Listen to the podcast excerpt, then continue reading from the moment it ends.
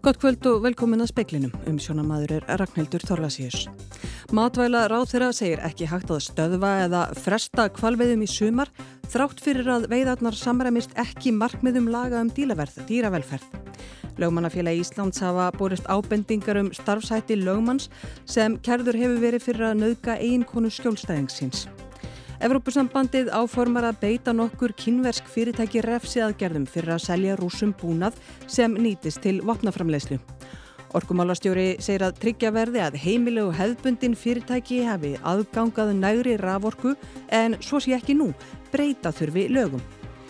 Og byggingaleifi fyrir breytingum á gamla bandaríska sendiráðinu við Laufásveg í Reykjavík hefur verið fælt úr gildi, breyta átt í sendiráðinu í íbúðir fyrir heilasleitendur. Svondi Svavarsdóttir matvæla ráð þeirra segir ekki hægt að stöðva fyrir hugaðar veiðar á kval í sumar þrátt fyrir að matvælastofnun hafi komist að þeirri niðurstöðu að veiðarnar samrýmist ekki markmiðum laga um dýravelferð.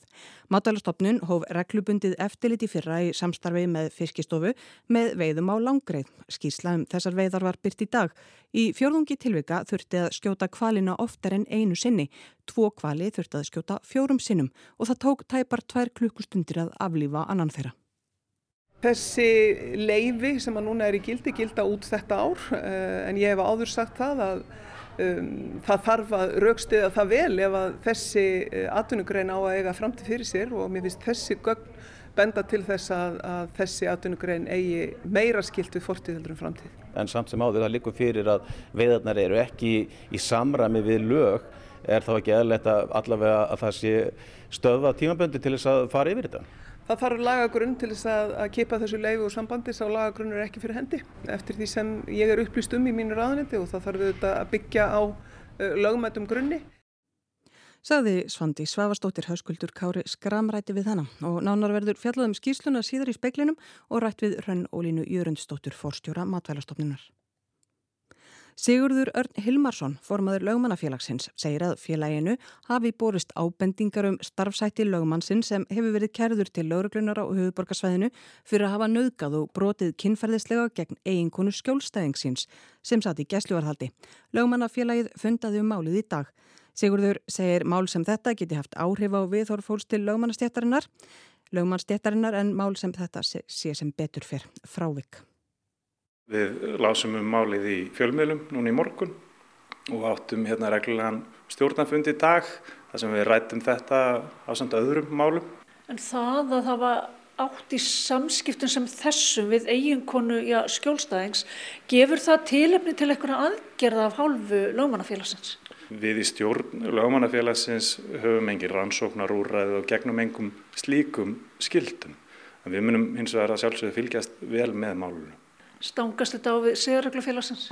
Ég þekki náttúrulega ekki málsættig eh, en svona ef maður lítur á ásakannar sjálfar að þá eru þær auðvitað graf alvarlegar og varða þá almenn hegningalög og eftir aðtökum einnig síðarreglur okkar lögmanna. Hefur áhyggjur af því að þetta mál og umfjöldunmundamál hafi áhrif á álit fólks á lögmannu bara almennt?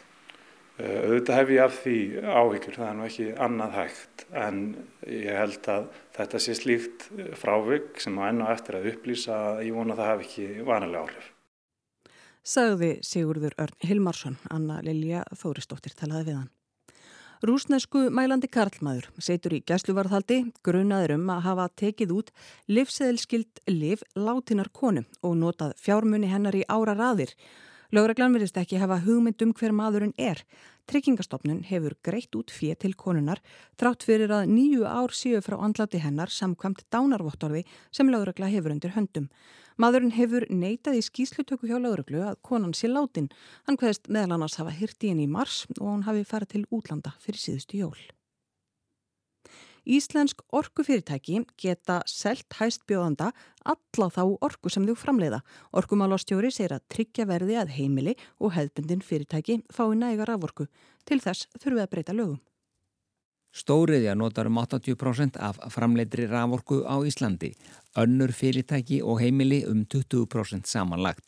Áður fyrir kvildi svo skilda á landsvirkjun að tryggja orku fyrir heimili og hefðbundin fyrirtæki. Svo skilda fjallu gildi árið 2003. En við lagabreitingar þá var hún tekin af og ekki útfæra nánari lögum. Þannig að það er ekki þessi ábyrg fyrir hendi eins og stanir í dag. Halla segir að frumvarp sem nú hefur verið lagt fram sé jákvægt skref en það taki fyrst og fremst til aðstæðina sem skapist í neyð eins og náttúruhanfara. Óvisa hafi komið upp í fyrra um hvort tilværi nóg raforka fyrir almenna markaðin. Og það gefur okkur sterkar vísbendingar um að við þurfum að taka betur utan um þennan hóp og við munum sjá fleiri svona aðstæður skapast á næstu missurum þar sem að það er mikil eftirspurn eftir áorkunni. Sagði Hallarhund Lóðadóttir, orkumálástjóri, samtal við Benedikt Sigursson. Nána verður rætt við hanna í fréttum sjómarps klukkan 7. Allt kapp er nú lagt á að finna fólk sem er saknað fjórum dögum eftir að mikil flóð og örskriður fjallu í austur Kongo. Að minnstakosti 400 hafa fundist látin eftir úrhelli síðustu daga. Mannúðarstofnun Saminuðu þjóðana segir að um 3000 fjölskyldur séu án húsaskjóls eftir hamfarinnar og það sé algjörlega á huldu hversu margra sé saknað. Heilu þorpin í söður Kífú hér aði lögðust í rúst og fannst fjöldi látina í Kífú vatni. Aðeins tveimur dögum áður en hamfarinnar dundu yfir austur Kongo, ollu flóð og örskruður óurlegri eðileggingu í Rúanda, hinum eigin við Kífú vatn. 131 hefur fundist látina völdum flóða og örskriða þar og þúsundir heimila eru rústir einar. Hamfarirnar í austur Kongo bætast ofan á hryllilegt ástandavöldum ofbeldis í landinu þar sem vígahópar hafa valdið skjelvingu í austurhluta landsins áratugum saman. Á ráðstefnu 16 ríkja í sunnanverðri Afríku var samþygt í dag að senda fríðargeslu sveit til þess að reyna að kveða niður ógnina. Þegar eru hermennur austur afrískum ríkjum á svæðinu en þeim hefur ekki tekist að stilla til friðar. Yfir miljón íbúa austur Kongo hefur orðið að flýja heimili sín vegna ofbeldis Vígasveitana. Róbert Jóhansson sagði frá. Úrskurða nefnd um hverju svo auðlindamála hefur felt úr gildi leifi fyrir að breyta gamla bandaríska sendiráðinu við laufásvegg í íbúðir fyrir hælisleitendur.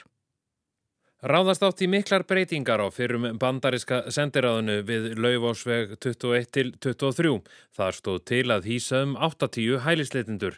Nágrannar hafa líst yfir óanægu sinni með áformin og letu hana glögt í ljós þegar framkvæmdinnar voru kynntar og fundi umhverfis og skipularsráðs í februar.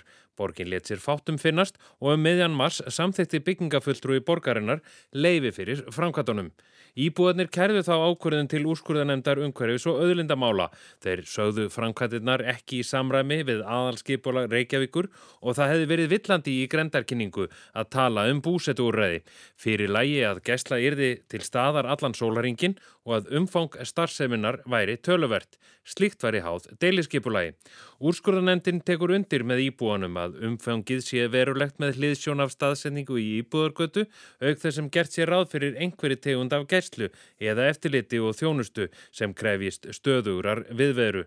Fyrirmæli aðalskipulags hveði áum að slík búsetu úrræði innan íbúðarbyðar séu háð því að ger sér grein fyrir þeim í deiliskeipulagi. Það hafi því ekki verið nóg hjá borginni að grendarkynna framkvæðinnar sem teljist verulegur anmarki og hjákaumilegt sé því að fella ákvörðun byggingafulltrúans úr gildi. Freyr G. Gunnarsson tók saman. Óvissustígi vegna jarðskjálta í Mýrdalsjökli hefur verið aflýst. Eftir nokkuð öflugarskjáltar hennu í köllu og förstu dag hefur lítil virkni verið á svæðinum og það er ekkert sem bendir til að drægi frekar til tíðinda, segir í tilkynningu frá almannavörnum.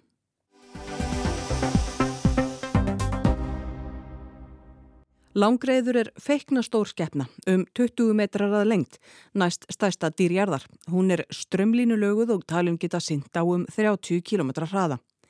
Í fyrra hóðust á nýr veiðar á langreiðum eftir fjögura ára hlið. 148 dýr voru veit frá júni og fram í september. Sem kunnugt er aðeins eitt fyrirtæki sem stendur í stórkvalaveiðum, Kvalur HF. Í gegnum tíðina hefur eftirlit með velferð við veiðar á stórkvelum fyrst og fremst verið byggt á skoðun eftirlit stýralæknis á kvölunum eftir að þeim hefur verið landað. En í ágúst í fyrra, eftir að vertíðin var hafinn, settir á þeirra reglugerð um að matvælastofnun ætti hafa reglubundið eftirlit með því að farið væri að lögum um velferð dýra við veiðar á kvölum, meðal annars með eftirlitsferðum við veiðar. Og matvælastofnun var heimilt að fela fiskistofu að abla gagnana. En á fyrirluta verðtíðarinnar, áður en reglugerðin var sett, kannaði dýralæknir því kvalina aðeins eftir löndun.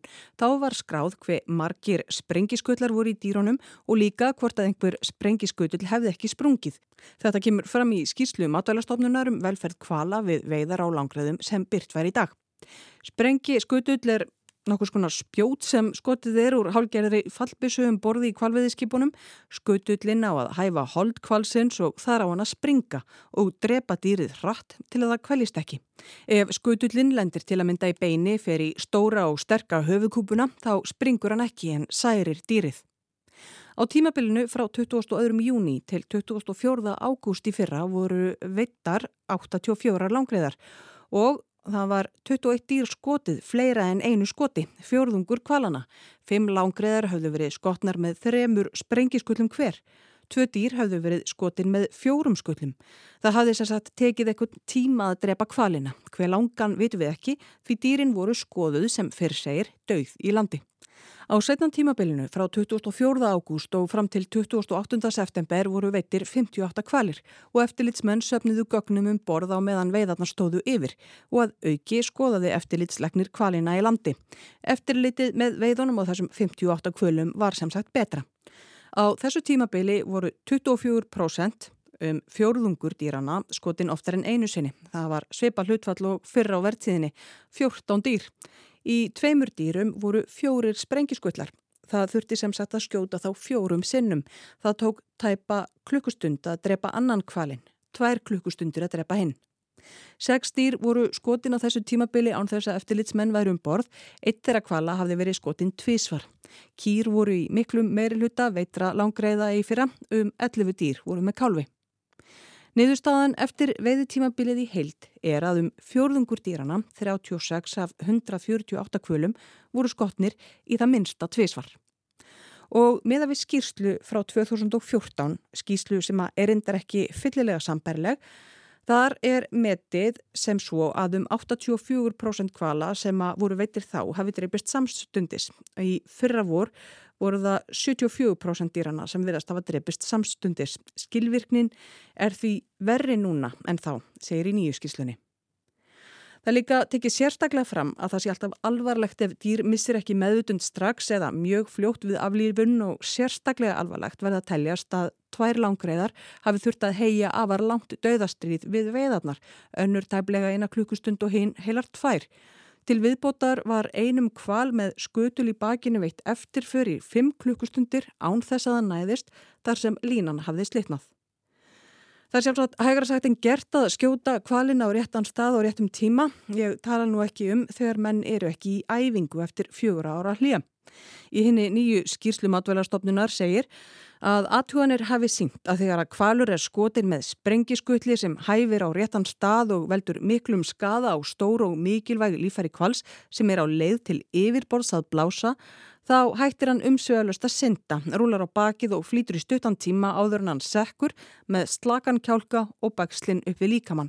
Ef skotið hittir þegar að kvalurinn er á niðurleið eftir að hafa blásið, dregur hann út eitthvað af línu áður en hann stoppar og sekkur. Ef kvalur deyr ekki inn í að missir meðutund, heldur hann þá yfirleitt stöðu og syndir, kafar og blæs og í 2007. grein laga um velferð dýra segir að það skuli staðið þannig að veiðum að það valdi dýrum sem minnstum sársöka og aflífun þeirra taki sem skemstan tíma og að veiðmönnum sér skilt að gera það sem í þeirra valdi stendur til að aflífa þau dýr sem þeir hafa valdið áverkum. Það sé óheimilt að beita aðferðum sem valdi dýri óþarfa limlestingum eða kvölum. Rönn Ólína Jörundsdóttir, fórstjóri matvælastofnunar er komin hinga í hljóðverð. Allt velkomin. Takk fyrir þessi skýrsla, þið teljið að lög hafi ekki verið brotin við veðan í fyrra en samt getur maður eiginlega ekki lesið annað úr skýrslunni en að sum dýrana hafi leiðið þjóningar, hafi kvalist í einhver tíma og sum ansi lengi. Já, það er niðurstaðan okkar úr þessum úr þessu eftirliti að það tók óþarlega langan tíma fyrir ofmörg dýr að drepast frá því að þau fóru skotin og markmið lagana, lögum velferð dýra, þau sagt, eru sett til þess að tryggja það að dýr séu það aflifið á mannúlan hátt og við teljum að það hafi ekki tekist í þessu. Nei, þannig að þetta séu í raun og veru ómanúlegt allavega í einhverjum tilvökum? Já, við teljum það. Eða öllum tilvökum? Það eru náttúrulega einhver dýr sem að drápust strax eða mistu meðvutun strax þannig að það er í raun og verið þannig á að standa að veiðum. Mm. En það var hann að tefla fjórtungu dýrana sem þurfti að skjóta oftar en einu sinni og tíminn, þess að dána tínin frá því að þau voru skotin þar til að þau drápust var bara of lengi, mm. of langur fyrir ekki. Sko, er vitað hversu mikið kvalir finna til, veistu það? Já, sko þeir eru náttúrulega bara eins og öll dýr finna til og það er eitt af megin markmiður lagana er að, er að megin hugsun lagana um velferð dýra er að dýr eru skyningjata verur og það þarf að tryggja það ef það þarf að aflífa dýr þá þarf það að gerast eins vel og rætt og öruglega eins og mögulegt er. En þeir sér að teljið að lögin hafi ekki verið brotinn þráttur þetta af því að lögin eru svo almennt orðu. Þau eru svolítið svona já, að fólk þarf að gera sitt besta, er það ekki? Jú, það er hann að greinum um sagt, veiðar sem segir að uh, við veiðar þá þarf að sagt, stunda þær þannig að dýri drepist á sem skemstum tíma og valdi sem minnstum sásöka. Og það eru náttúrulega engin viðmið í lögunum hvað þetta skemstu tími eða minnstu sásöki er. Þannig að við teljum bara þessi nýðustada að okkar mati þá er hún óasættileg og það er það sem við viljum koma fram þannig að við viljum að við hefum bara vísa þessu til fagraðan velferð dýra þannig að það sé þá allan svara þeirri spurningu hvort það sé hægt að framkama þessa veiðar án þess að velferð dýrana sé ógnað. Þið eru því raun og veru að varpa fram þeirri spurningu á að veiða stórkveli við Íslandstrendur.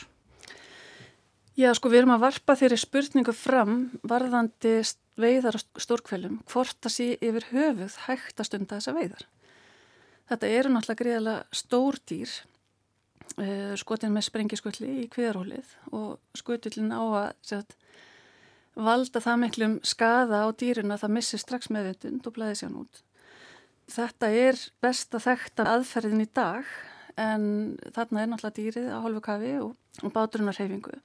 Þannig að við viljum bara fá úr því skorið hvort að sé hægt að stunda þessa veiðar án þess að velferð dýrana sé ógnað. Mm. Það er fyrsta spurningin. Já. En ef svo er þá töljum við líka að sagt, það þurfi þá að marka þetta betur hvað er ásættilegu tími. Og þarna voru allavega dauðastriði í tvo tíma í einu tilviki þar sem að eftirlitsmaður var um borð og í einu tilviki að þá bara mistu þér kvalinn mm -hmm. og það er, ég meina, þetta er náttúrulega aldrei erfitt við að ráða, ég meina, er það eiginlega það sem að máli snýst um, það er erfitt að drepa kval og gera það vel ef það má orða það þannig? Já, það er allavega niðurstöður eftirlýsins sína það. Þetta hefur greinlega verið áskorun og að sagt, þetta hefur ekki tekist nægilega vel. Kvalur hefur heimil til að veiða kvali í sumar, ekki satt? Jú, veiðilegfið er út þetta sumar. Já, og ég menna heldur að komist einhver botn í þetta eða, eða hvað frá, frá nefndinni? Ég get náttúrulega ekki tala fyrir, fyrir höndnaftarinnar en við munum vísa þetta inn í, inn í sett fagráðið að, að skoða þessa spurningu. Við munum þá allavega leggja til að það veri áframhaldandi eftirlit með sjálfum veiðunum til að meta það hvort að hérna betur takist á þetta sumarið. En við telum það, við höfum beitt okkar heimildum innan lagaramann sem svo við getum. Þið viljið ef að það á að halda áfram að veiða langriðar að það séu þá settar einhverjar já, reglur, einhverjar lámarkskröfur ég meina hvernig sérðu það fyrir þér? Já það er náttúrulega um það er flókið eða það er náttúrulega flókið því að hérna, það liggur ekkit fyrir hvað er ásættilegt kannski ítrekka það líka að sért framkvæmdin og niðurstaða veiðana er ávalt á ábyrg fyrirtækisins þannig að það er fyrirtækisins að framkama þessa veiðar eins vel og mögulegt er. En það er akkurat eins og, eins og kemur fram í okkar greinagerð að, að hérna, það er engin skýrrammi hvað er ásættalegt þannig að við sért, eigum erfiðara með að beita okkur í þeim málum. Mm. Við teljum samt fyrst og fremst að það þurfi að skoða þetta eins og segi þetta eru stór dýr í, satt, sem eru vittar við aðstæður það sem er erfitt að stýra að, að hvort að þetta sé yfirhauðu mögulegt og þá þurfum við náttúrulega að skoða bæði náttúrulega þær aðferðin sem eru notaður í dag hvort það þurfi aukna þjálfun, hvort það þurfi að breyta þessum veiðaðferðum.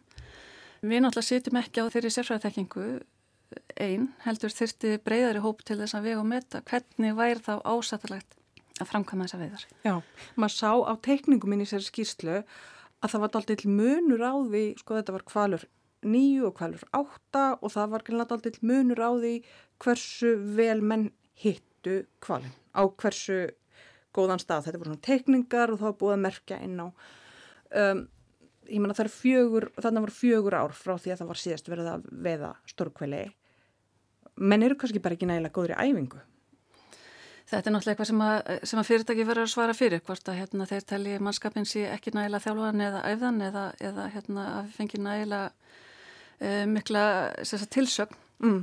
þetta klárlega allavega þeir verður þá eitthvað að meta þetta hvort að þeir geti gert betur af því það er algjörlega á þeirra ábyrð að gera það uh, það eru til myndbönd á þessum veiðum, er það ekki? Þetta var tekið upp. Jú, það var tekið upp, sagt, við, við vorum uh, eftirlit sagt, á okkar hálfi var framkvæmt við veiðarnar á 58 kvölum og þar var tekin, tekið upp myndband frá því að skullinu var skotið og þar til að dýrið er, er dött. Hefur þú séð þessi myndband? Ég hef séð eitthvað að þeim, já. já.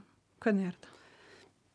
þetta er náttúrulega bara veiðar á viltum dýrum en það þarf náttúrulega að rýna þetta með því fyrir, það fyrir augum að þetta eru veiðar á viltum dýrum um, við veitum það líka að hérna, fyrirtæki greip inn í og, og hérna, þjálfaði mannskapin betur eftir að, eftir að, hérna, e, að verðtíðin hófst síðastu sumar og þá voru teknir aftur inn, á, inn í námskeið og þeir breyttu líka e, uppfærið skuklana hjá sér. Þannig að þeir gripu klálega inn í sem gera það verkum að, að hérna við getum ekki beitt okkur frekar. Um, en það er klálega þarna er verið að aflifa stór dýr og það náttúrulega fylgir því náttúrulega alls konar. Þannig að við svona reynum bara að horfa á þetta eins faglega við getum. Já, ég meina það, það náttúrulega bara fylgir því blóð og allskynns, ég meina þetta er ekkit endilega pent en svo er þetta að gera hlutina vel og illa. Já, já, við eins og segjum aftur þetta bara er ekki ásættalega neðustöð það er það sem við viljum koma framfæri Sumulegist að, að aftur þetta er á ábyrð fyrirtækisins að framkvæma þetta. Þannig að þeir verða að skoða hvort þið getur gæst betur. Þetta var Hrönn Ólína Jörgundsdóttir fórstjóri matvælastofnunar. En nú út í heim.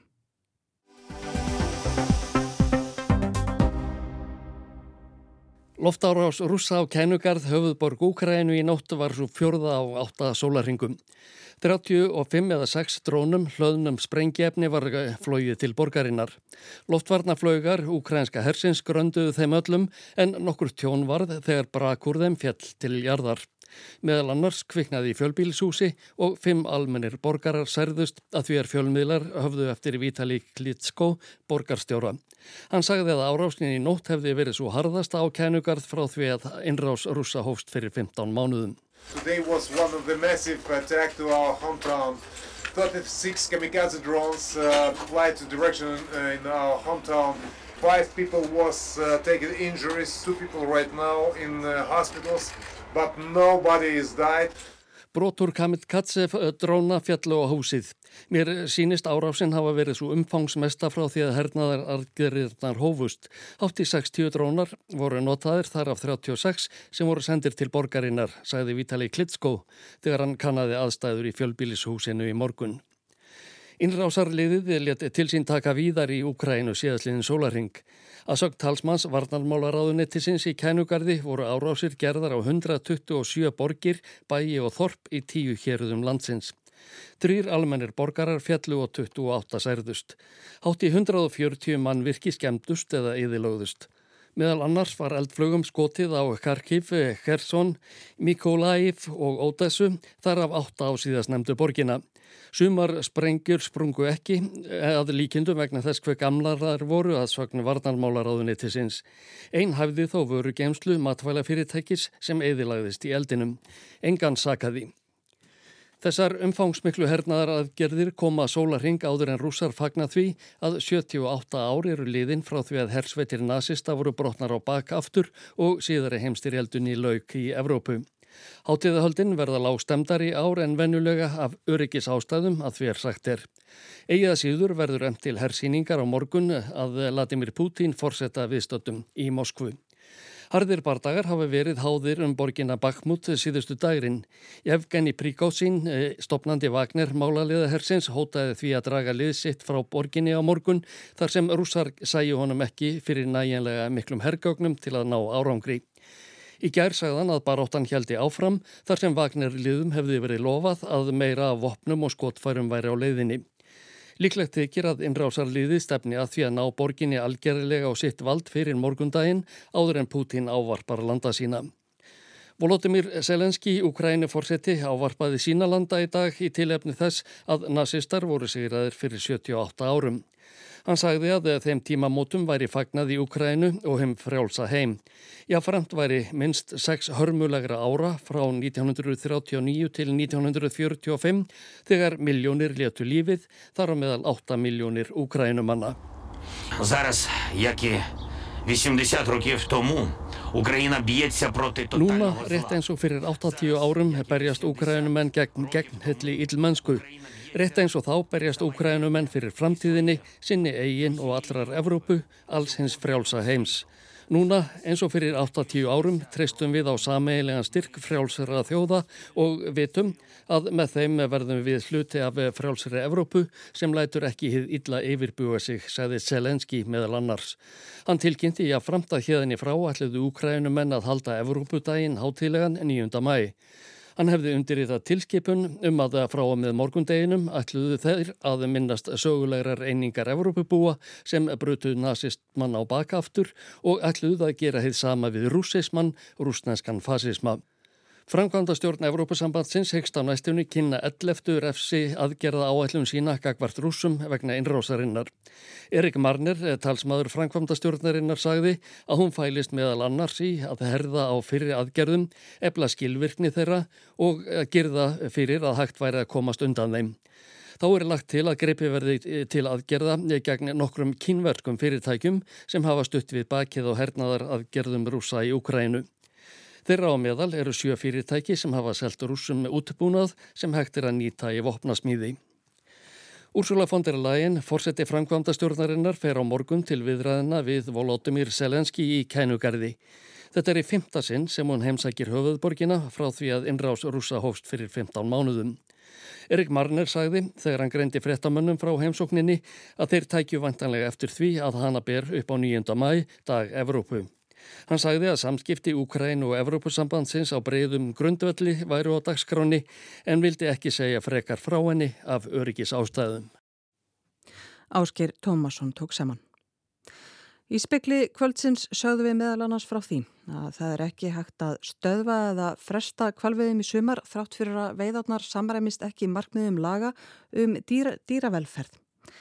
Lögmannafélagi Íslands hafa borist ábendingar um starfshætti lögmannsins sem kerður hefur verið fyrir að nöðga eiginkonu skjólstæðingsins sem var í gæsluvarðhaldi. Orkumála stjóri segir að tryggja verði að heimili og hefðbundin fyrirtæki hefði aðgangað nægri raforku en svo sé ekki nú. Breyta þurfi lögum.